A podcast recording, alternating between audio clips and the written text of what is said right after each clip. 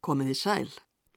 Í þessum þætti verða flutt lög sem koma fyrir í skaldsögunni Under the Greenwood Tree eftir enskari töfundin Thomas Hardy. En fyrsti hluti skaldsögunar gerist um jól og því eru margir jólasöngvar nefndir í henni. Thomas Hardy fættist árið 1840 og lést 1928. Margar skálsögur hans gerast í sveitum í söðvestur Englandi en þar var Hardy sjálfur alin upp. Hardy hafði mikinn áhuga á gömlum sveitasíðum, meðal annars á menningu sveitanna, þjóðvísum og þjóðlögum og þess vegna kemur slíkt oft við sögu í verkum hans. Skálsagan Under the Greenwood Tree kom út árið 1872. Ég hef ekki fundið íslenska þýðingu á henni og verður hér notast við heimagerða þýðingu Hins vegar var eitt sinn sínd í sjónvarpinu mynd byggð á sögunni og var titillinn þá þýttur í lundinum græna. Upphaflega ætlaði Hardy að kalla söguna The Mellstock Choir eða Mellstock Kórin því sagan fjallar að miklu leiti um kirkjukór og hljómsveit í hinnu ímyndaða Mellstock héræði.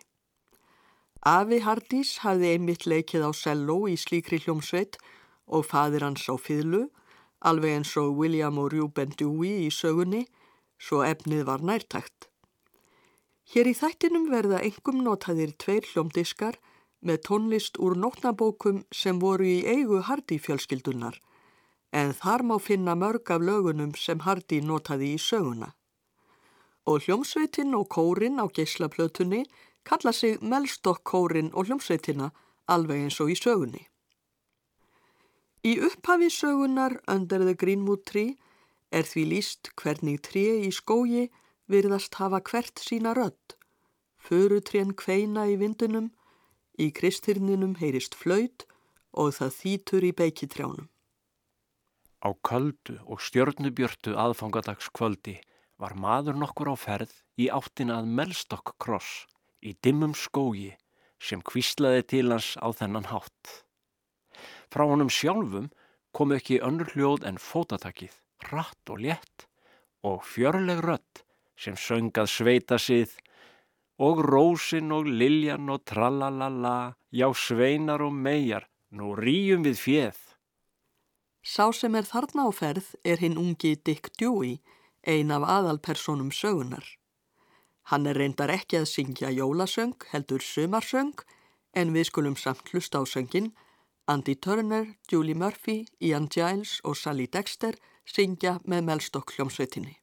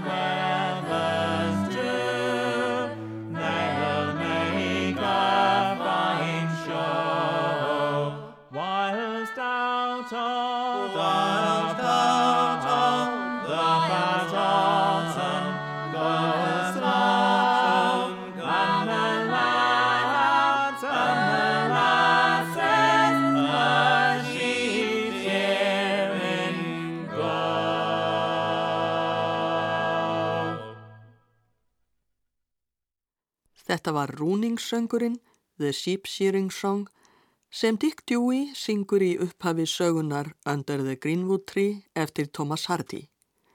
Andy Turner, Julie Murphy, Ian Giles og Sally Dexter sungu með Melstock hljómsveitinni. Þegar Dick nálgast þorpið Melstock Cross koma nokkri menn og slást í förmiðunum. Allir þessir menn og Dick líka eru í kirkjukór og hljómsveit Melstokk sóknar og nú stendur til að hittast heima hjá föður Dix, Rúben Dewey, sem er einn af tónlistarmönnunum. Rúben er keirari, það er að segja hann keirir í vagni, húsgögn og dót sem þarf að flytja. Hjá honum ætla menn að koma saman áður en haldið verður um sveitina eins og venja er á miðnætti á jólanótt til þess að syngja jólasöngva fyrir utan hús og bæi. Rúben Dewey tekur öllum vel og menn fá sér hressingu. Ímislegt er skrafað og ein helsta fréttin er svo að Fancy Day, dóttir bondans Jeffrey Day, sé nýkomin í sveitina sem kjenslukona. Skóarinn Penny er meira að segja með skóinennar með sér, nett og fallegt stífvel sem hann á að koma til skila. Loks er haldið af stað í söngferðina. Fjórir karlmenn og sjö drengir eiga að syngja, Rjúben og Dick Dewey og Michael Mail leika á fylur og William Gamli faðir Rjúbens á cello. William hefur brennandi áhuga á tónlist og leggur mönnum lífsreglurnar. Jæja grannar, sagðan, helt dýrunum opnum þegar menn fóru út einn af öðrum og horfi gaggrínin á þá þegar þeir fóru hjá, eins og smali að telja kindurna sínar. Því þarna tveir, strákar í efstu rött. Fylgist þið með spílamennskunni hjá Michael og anið ekki út í diskantin á undan dikk og hinnum eins og þið gerðu í fyrra. Og gætið sérstaklega að þessu þegar við erum í Rís upp og fagna. Og þá skulum við heyra jólasálmin Rís upp og fagna, Arise and Hail.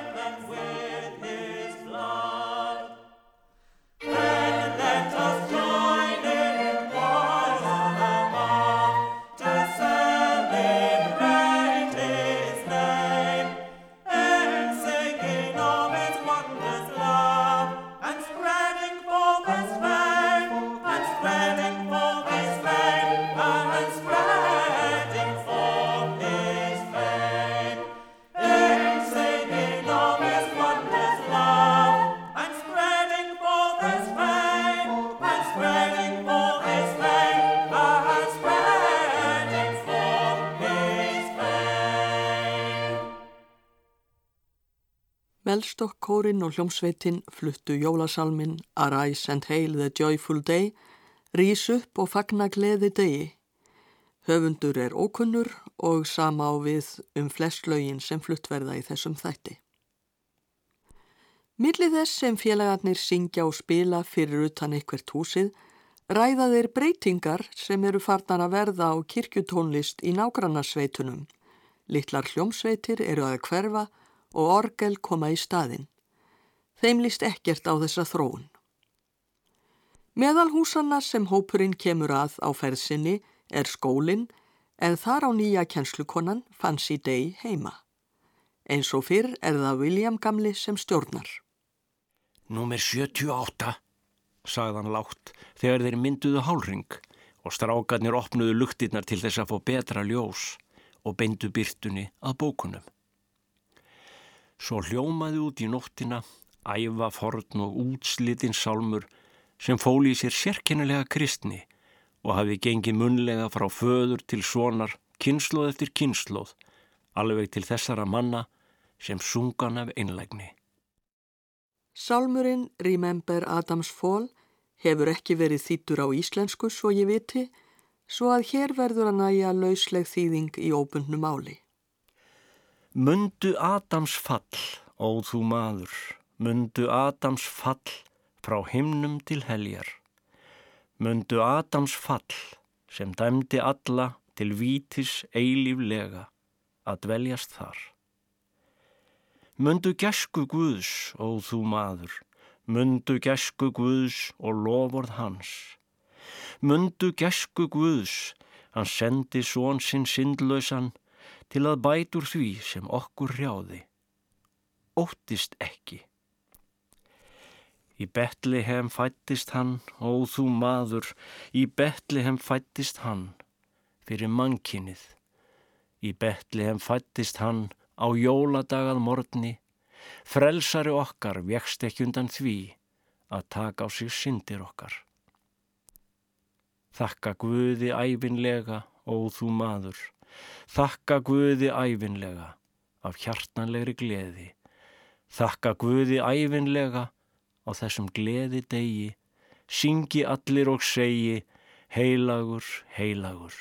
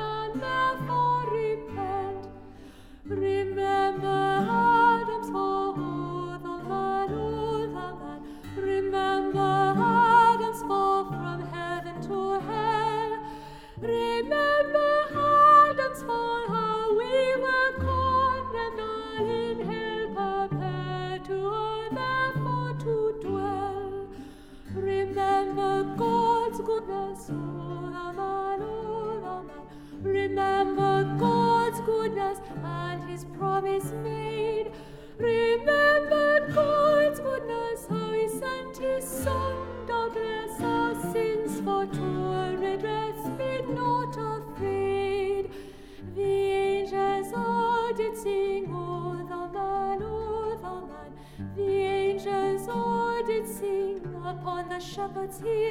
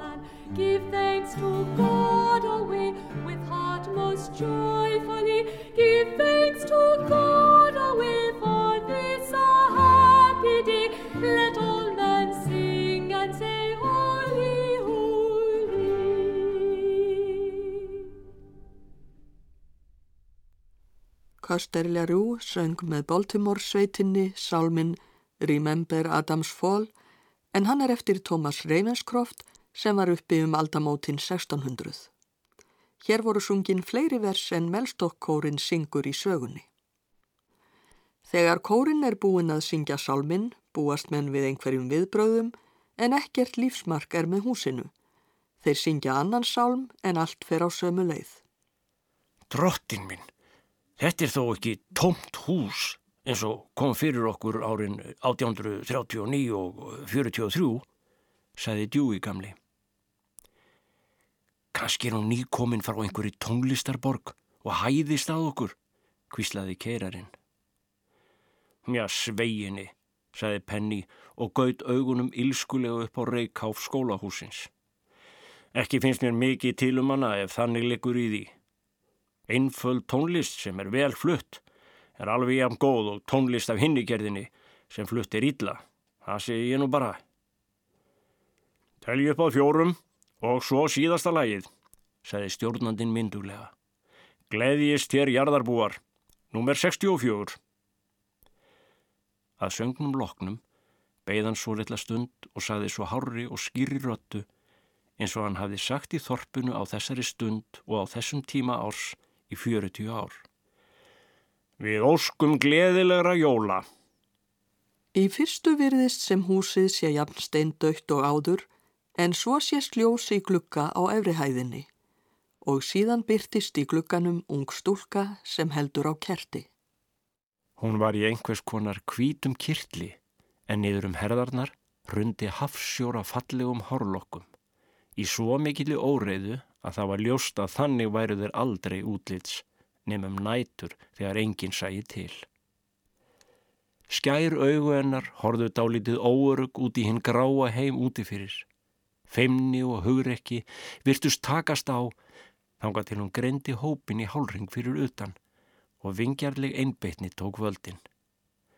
Hún opnaði gluggan og sagði glaðilega og hlílega Þökk fyrir, söngvarar, þökk fyrir. Gluggin lokaðist hægt og hljóðlega og gluggatjaldið fór fyrir. Fallegu augun og ennið hurfu, litli munnurinn, hálsin og herðarnar, hún öll. Svo mátti óljóst sjá bjarmann frá kertalösunu sem færiðist burt. En falleg, rópaði Dick Dewey. Nú hún geti ekki verið lögulegri þó hún var í vaksmynd, saði Michael Mail. Þessi sjón hefur sérlega mikil áhrif á Dick Dewey sem getur ekki hætt að hugsa um þessa indislegu stúlku. En hópurinn verður að halda áfram og nú er farið að húsi ríka bondan Sjæners. Telji upp að fjórum og svo nummer 32. Sjá morgun stjörnu, sagði William gamli. Þeir höfðu nýlokið við annað versið og fýðlararnir voru að spila millispilið sem leiti að uppafsljómi þriðja versins þegar rödd nokkur heyrðist öskra án nokkus fyrirvara og án þess að ljós kviknaði húsinu. Haldið í kæfti! Viljið ég hætta þessu nágöyli? Þegar að maður er með dundrandi hausverk vil maður fá verið friði. Glögginn skelltist aftur. Þetta eru dálaglegar viðtökur, sagði keirarinn og snýri sér að félögum sínum. Ljúkið við sálminn, allir sem unna músikinni, skipaði William gamli og þeir heldu áfram til enda. Telji upp að fjórum og númer nítján, sagði William ákveðin. Látið hann hafa það. Kórin lætur ekki bjóða sér svona móðganir. Nú kviknaði ljós. Gluggi var opnaður og í honum byrtist bóndin, hinn versti ásýndum. Kæfiðan, kæfiðan, æfti keirarinn og sargað á fýðluna eins og óður maður. Spílið fortissimo og kæfið það sem hann segir. Fortissimo, saði Michael Mail og söngurinn og hljóðfaraleikurinn hækkaði svo að það var ómulegt að heyra það sem herra Sjænir var að segja eða ætlaði að segja. En hann baðaði út öllum öngum svo hann myndaði ímist X eða Y og virtist tvinna saman svo mörgum blótsýrðum að það hefði átt að næja til þess að sökva allir í sókninni til glötunar. Mjög ósæmileg hegðun, mjög svo, sagði William gamli þegar þeir heldu burt. Aldrei hef ég vitað önnur eins ósköp í öll þau ár sem ég hef sungið jólasöngva. Aldrei. Og svo er hann kirkjuvörður í þokkabót. Við skulum nú hlusta á jólasöngin sem gerði Sjæners og Öskur Reyðan, sjá morgunstjörnu, Behold the Morning Star.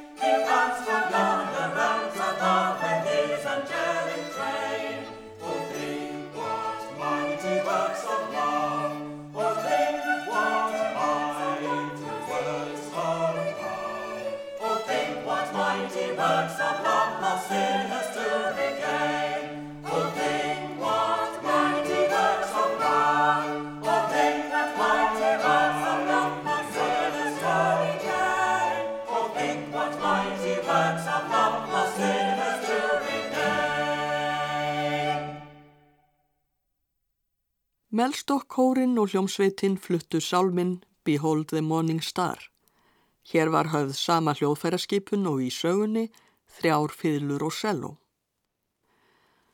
Að morgni jóladags fara allir í sveitinni í kirkju.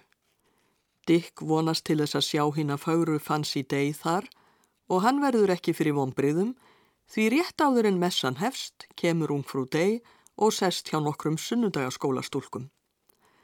Að sjálfsögðu er það kórin og hljómsveitinn sem við höfum þegar kynst sem leiðir sálmasöngin en söngvararnir eru fremur rámir eftir álægðum nóttina og hljóðfærin ekki heldur upp á sitt besta eftir kallt út í loftið. Þá gerist nokkuð sem vekur undrun og eftirtækt. Fancy Day og sunnudagastúlkurnar farað að syngja hátt og syngja jafnvel rattað. Annaðins hafði aldrei gerst í manna minnum. Eins og aðrir kirkugestir hafðu stúlkunar alltaf verið auðsveipir og lotningafullir fylgjendur kórsins á svölunum og sungið hikandi og rugglingslega ef kórin leiti ekki. Aldrei höfðu þær gengið á skjön við stjórn þessara æfðu listamanna, enda ekki haft neitt vilja, saminningamátt, vald eða löngun, nema þeir fengið það frá kórnum í hásætinu fyrir ofan þær. Það mótti heyra talsverða örvæntingu hjá söngurötunum og strengjunum á svölunum og helst það út allan tónlistarflutningin. Um leið og menn voru búinir að leggja fylguna frá sér, herra Penny búin að setja glerugun í hulstri sitt og prestunum búin að lesa guðspjallið, hófst nexlunar fullt kvískur. Heyriðu þið þetta? Andvarpaði herra Penny. Þessar gálur, sagði Bóman. Já, Það heyrðist alveg hátt í þeim og okkur fyrirlum og öllu saman, ef ekki herra. Já, fyrirlum og öllu saman, bergmálaði bóman gramur. Ekkert undir sólunni er ósvipnara en hvern fólk í sameiningu, tautaði herra Spinks. Að kvöldi jóladags halda djúi keirari og kona hans veislu og dykk til mikillar gleði kemur fanns í deg í veisluna. Ekki má byrja að dansa fyrir en eftir klukkan 12 á miðnætti til þess að vanhelga ekki jóladaginn. En klukkan 12 hefst dansinn og Dick er svo heppin að fá fansi sem mótansara í fyrsta dansi. Sveitadansinn sem kallaður er Sigur eða Fyldu ástinni minni var upphafstansinn.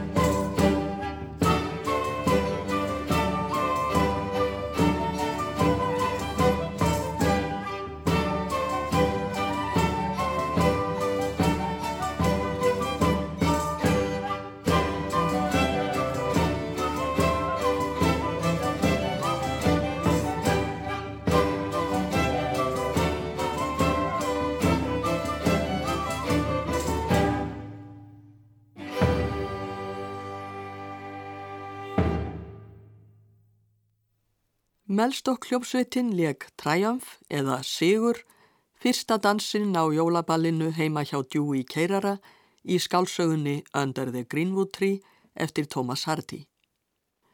Dick nýtur dansins verulega en þó spillir það svo litið fyrir að stundum dansar fansi við herra Sjæner, kirkjuvörðin geðvonda sem brást svo illa við jólasögnum um nóttina. Og hann sér ekki betur en Sjæner gefi henni hýrt dauga. Dick tekst þó við og við að fá fansi aftur fyrir dömu og það vantar ekki fjörið í dansinum. Erðnarlokkar kvennana voru nú farnir að kastast ofsalega til og frá. Þeir tóku heljarstökk, hendust í þessa átt og svo í hina en lögðust að lokum kyrlátir upp að eirunum sem heldu þeim uppi. Og áttundi kapli sögunar heitir Dansin verður viltari. Dick hafði loksins tekist að tryggja sér fansi sem dömu í hennum indislegasta allra sveitadansa sem byrjað með ring fyrir sex hendur. Þetta mun vera dansin College Hornpipe sem við heyrum hér.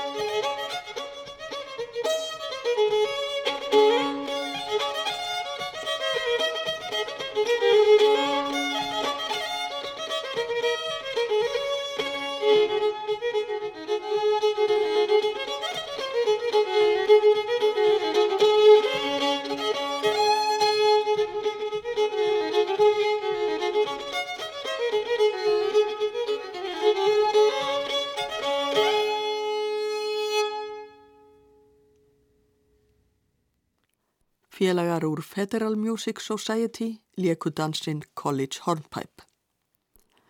Þarna á ballinu byrjar ástarsaga sem helst út alla bókina. Dick er yfir sig ástfangin af Fancy Day og hún er líka hrifin af honum en Ímis ljón eru á vegi fyrir því að þau nái saman. Helstu vandamálin eru þau að fadir Fancyar vill að hún giftist ríkumanni, herra Sjænir er líka að draga sig eftir henni og þó að Fancy vilji helst gifta stykk er hún dálit til léttúðug og á til að dadra við aðra menn. En önnur saga er líka sögð í skálsögunni Under the Greenwood Tree, sagan um það hvernig tónlistarflutningur í enskum sveitakirkjum breytist. Og Fancy Day á sinn þátt í því. Þegar presturinn kemst að því að hún kann að leika á orgel, ákveður hann að fá orgel í kirkjuna og gera Fancy að kirkjuorganista. Þar með eru dagar gömlu hljómsveitarinnar og kórsins taldir. Að sjálfsögðu líkar tónlistarmönnunum þetta stór ítla en ekki tjáir að deila við dómaran. Þeir fara þó heim til pressins og ræða málið við hann, hvort ekki sé hægt að fresta því dálitið að breytingin taki gildi. Rjúben Djúi hefur orð fyrir þeim og gætir þess vel að sína prestinum tillýðilega virðingu. Það sem ég hef verið að hugsa með því að nota núliðna tíð gaf keirarinn í skín að hann væri varla svo ókurteis að hugsa þetta beinlýnis á þessari stundu. Það var það að kórin ætti að fá svo lítinn tíma og ekki hætta fyrir um jólinn ef hægt var að koma sér saman um það og sér að Meibold ég vona þér afsakið hvað ég tek almúalega til orða. Já, já, auðvitað. Um jólinn, tautaði presturinn og dró orðin eins og hægt væri að mæla tímalengdina til jóla á þann hátt. Já, ég vil að þér skiljið að ég hef ekkert við ykkur að aðtuga og vil ekki breyta kirkutónlistinni með offorsi eða særa tilfinningar nokkura í sókninni. Ástæðan fyrir því að ég hef hveðið upp úr um þetta er svo að mér hefur verið bent á orgelleikara, jafnvel hefur einn kirkjuvörðurinn vakið margsinnis aðtigli mína á þeim orgelleikara. Og eh, þar sem orgelið sem ég kom með hingað býður hér, hann benti á stofu orgelin í bókaherbygginu, þá er engin ástæða til að býða lengur. Djúi spyr hvaða kirkjuvörður hafi vakið máls á þessu og þeir félagarnir eiga bátt með að dilja gremju sína þegar presturinn segir þeim að það sé herra sjænir. Þeir þykjast vita að það sé ekki tónlistar áhugi sem honum gangi til heldur sé hann að hefna fyrir söngin á jólanótt, auk þess sem þeir vita að hann er að gera hósur sínar grænar fyrir fancy day. En það er ekki við því að gera og að lokum verður það að samkommulagi millir þeirra og pressins að þeir hætti á mikjálsmessu. Áhugi sjæners á fansi gerir Dick verulega gramt í geði. Um haustið þegar verður þeir að sapna hunangi á bæ föðurennar og þeir koma báðir í heimsókn er auðfundin spennan á millið þeirra, ekki síst þar sem Dick hefur ákveðið að byggja föður Fansíjar um höndhennar einmið þetta kvöld. Fansi leit upp og bauðan hálf vandraðalega velkomin. Sjænir tók fastar hendinu utanum kertastjakan og til þess að gefa Dick nógu vel í skín að hann væri jafn örugur þarna eins og hann væri heima hjá sér, kyrjaðan hressilega Kongurinn átti síni þrjá. Er fadir þinn hérna? spurði Dick. Hann er inni held ég, saði Fansi og leitt gladlega á hann. Dick virti þau fyrir sér og virtist ekkert á því að flýta sér burt. Sjæner helt áfram að syngja Malara drekt var í malara tjörn og vefarinn hengdur í þræði og skrattinn hljó burt með skrattaran og skaust líka burt með hans klæði. Þetta er argasti lerburður, eða þetta er þinn kveðskapur, saði Dick dálitið yfirlætislega. Að það þýðir ekki að kvarta við mig út á kvæðinu, saði Sjænir. Þú verður að fara til mannsinn sem ortiða.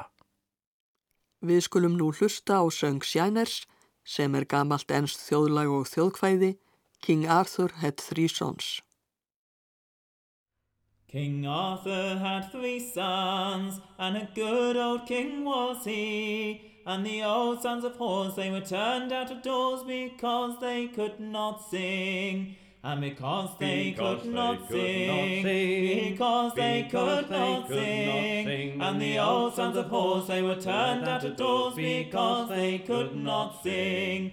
So the first he was a miller, and the second he was a weaver, and the third he was a little tailor boy. These three rogues went together. These three rogues went together. These three rogues went together. Third he was a little tailor boy. These three rogues went together. So the miller he stole corn, and the weaver he stole yarn. And the little tailor boy he stole broadcloth for to keep the three rows warm. For to keep the three rows warm. For to keep the three rows warm. And the little tailor boy he stole broadcloth for to keep the three rows warm. So the miller he got drowned in his pond, and the weaver he got hung in his yarn. And the devil ran away with the little tailor boy with the broadcloth under his arm. With a broadcloth under his arm, with a broadcloth under his arm, and the devil ran away with a little tailor boy with a broadcloth under his arm, with the broadcloth under his arm, with the broadcloth under his arm, the devil ran away with a little tailor boy with a broadcloth under his arm. Melstock, söngvararnir og hljómsveitin fluttu lægið King Arthur had three sons. Dave Townsend útsetti lægið.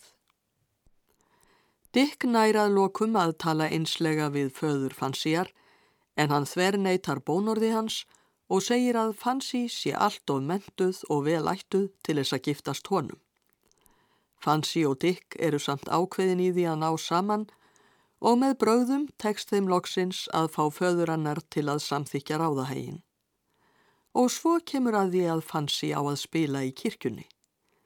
Gömlu félagarnir úr kirkjukórnum og hljómsveitinni eru að sjálfsögðu heldur nýpnir þann dag þegar þeir horfa og hlusta á hinn að glæsilegu stúlku leika á orgelið í fyrsta skipti. Svo þeir stóðu og horfðu á hárið sem liðaðist niður á bak hinnar sigri rósandi tónlistarkonu og fjöðurinn á hattinum sem sveigiðist til þegar hún hrefiði höfuðið. Eftir nokkrar varfærnislega nótur og óöruga tóna varð orgelleikurinn hárréttur og kraftmikill allt til enda. En hvort sem það var af fordómum eða hlutlausir í dómgrind, gáttu henni virðulegu tónlistamenn ekki gert að því að þeim fannst að hennir einföldu tónar sem frá þeim höfðu komið hefðu átt betur við í gömlu látlösu kirkjunni þeirra en trillutnar og hljómaðnir sem henni tóst að framleiða. Þannig fer með tónlistina, nýju tíminn tekur við að finnum gamla. En hvernig fer ástasaga Dix og Fansíjar? Þó að þau séu trúlofið, gerist nokkuð sem setur samband þeirra í verulega hættu. Sjálfur presturinn, sér að Meibold, verður ástfangin af Fansi. Hann veit ekki af trúlofun þeirra Dix sem farið hefur að mestu lengt og dag nokkun fer hann heim til Fansíjar og byður hennar. Að verða prestsfrú er lokkandi upphefð fyrir hinn að hegóma gjörnu Fansi og þótt hún vilji ekki svíkja Dick er freystingin mikil. Hér verður ekki greint nánar frá því hvernig greiðist úr þeirri flækju en það fer svo að lokum þrátt fyrir allt að Fansi heldur treyð við Dick og hann fær aldrei að vita um bónorð pressins. Það verður samt annar prestur sem gefur þau saman þegar brúðkaup þeirra er loks haldið að sumri og brúðkaupsveislan haldin undir stóru og löfmiklu tré í gardi föður Fansíjar í lundinum græna og að sjálfsögðu er dansað. Fimm sveitadansar, þar á meðal bregðum okkur í brúðkaup, tveir rælar og þrýr sjómanadansar og þá var komið að kvöldmatt sem var tilreitur inn í húsinu vegna þess hver stutt var liðið á sumarið og grasið rakt. Sagan endar þegar Dick og Fansi aka heim til sín úr brúköpsveislunni og þar skiljum við við þau og tónlistarmennina í Melstokk sem sagt er frá í skáldsögunni Under the Greenwood Tree í Lundinum Græna eftir Thomas Hardy. Við skulum að lokum hlusta á þryggjalaga sirpu, þar á meðal tvo sjómanadansa, hornpipe, eins og leiknir eru í brúkumsveislunni. Þetta eru dansarnir The Gypsies Hornpipe, Ashley's Hornpipe og The One-Eyed Fiddler. Þrýr félagar úr Melstokk hljómsveitinni leika, Paul Burgess og Floss Hetford leika á fiðlur og Martin Brinsford á trommur og tamborínu. Ég þakka hlustendum samfélgina, verði sæl.